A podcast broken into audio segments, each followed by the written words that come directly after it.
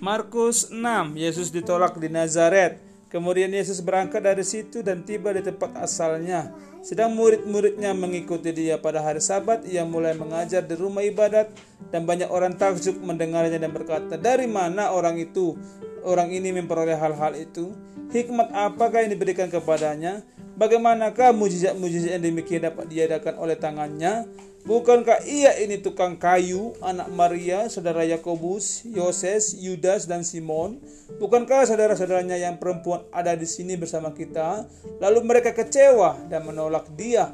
Yesus berkata kepada mereka, seorang nabi dihormati di mana-mana, kecuali di kampung halamannya, di antara kaum keluarganya dan di rumahnya ia tidak dapat mengadakan satu mujizat pun di sana kecuali menyembuhkan beberapa orang sakit dengan meletakkan tangannya di atas mereka.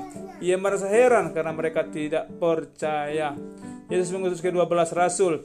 Lalu Yesus berjalan keliling dari desa ke desa sambil mengajar. Ia memanggil kedua belas murid itu dan mulai mengutus mereka berdua-dua. Ia memberi mereka kuasa atas roh-roh jahat dan berpesan kepada mereka supaya jangan membawa apa-apa dalam perjalanan mereka kecuali tongkat saja, roti pun jangan, kantong perbekalan pun jangan, uang dalam mika pinggang pun jangan. Boleh memakai alas kaki, tetapi jangan memakai dua baju Katanya kepada mereka, kalau di suatu tempat kamu masuk ke dalam suatu rumah, tinggallah di situ sampai kamu berangkat dari situ. Kalau ada suatu tempat yang tidak menerima kamu dan tidak mendengarkan kamu, keluarlah dari situ dan kebaskanlah debu yang di telapak kakimu sebagai kesaksian terhadap mereka. Lalu pergilah mereka memberitakan bahwa orang harus bertobat dan mereka mengusir banyak setan dan mengoles banyak orang sakit dengan minyak dan menyembuhkan mereka. Yohanes Pembaptis dibunuh Raja Herodes juga mendengar tentang Yesus sebab namanya sudah sudah terkenal dan orang mengatakan Yohanes Pembaptis sudah dibangkitkan dari antara orang mati. Dan itulah sebabnya kuasa-kuasa itu bekerja di dalam dia. Yang lain mengatakan dia itu Elia. Yang lain, yang lain lagi mengatakan dia itu seorang nabi sama seperti nabi-nabi dahulu. Waktu Herodes mendengar hal itu ia berkata, "Dia itu Yohanes yang sudah kupenggal kepalanya dan yang sudah bangkit lagi." Sebab Herodes lah yang menyuruh orang menangkap Yohanes dan membelenggunya di penjara demi Herodias, istri Filipus saudaranya. Karena Herodes telah mengambilnya sebagai istri sebagai Yohanes.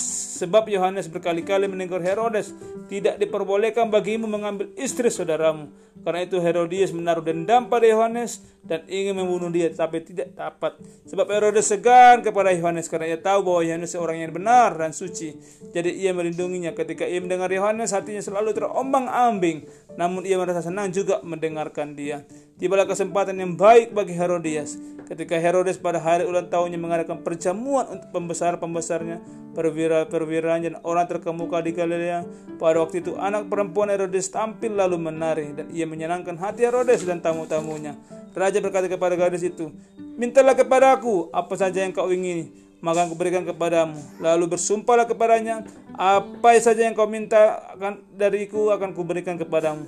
Sekalipun setengahnya dari kerajaanku. Anak itu pergi dan menanyakan ibunya, apa yang harus kuminta? Jawabnya kepada Jawabnya, kepala Yohanes Pembaptis. Lalu ia cepat-cepat masuk menghadap raja dan meminta, aku mau supaya sekarang juga engkau berikan kepadaku kepala Yohanes Pembaptis di atas sebuah pinggan.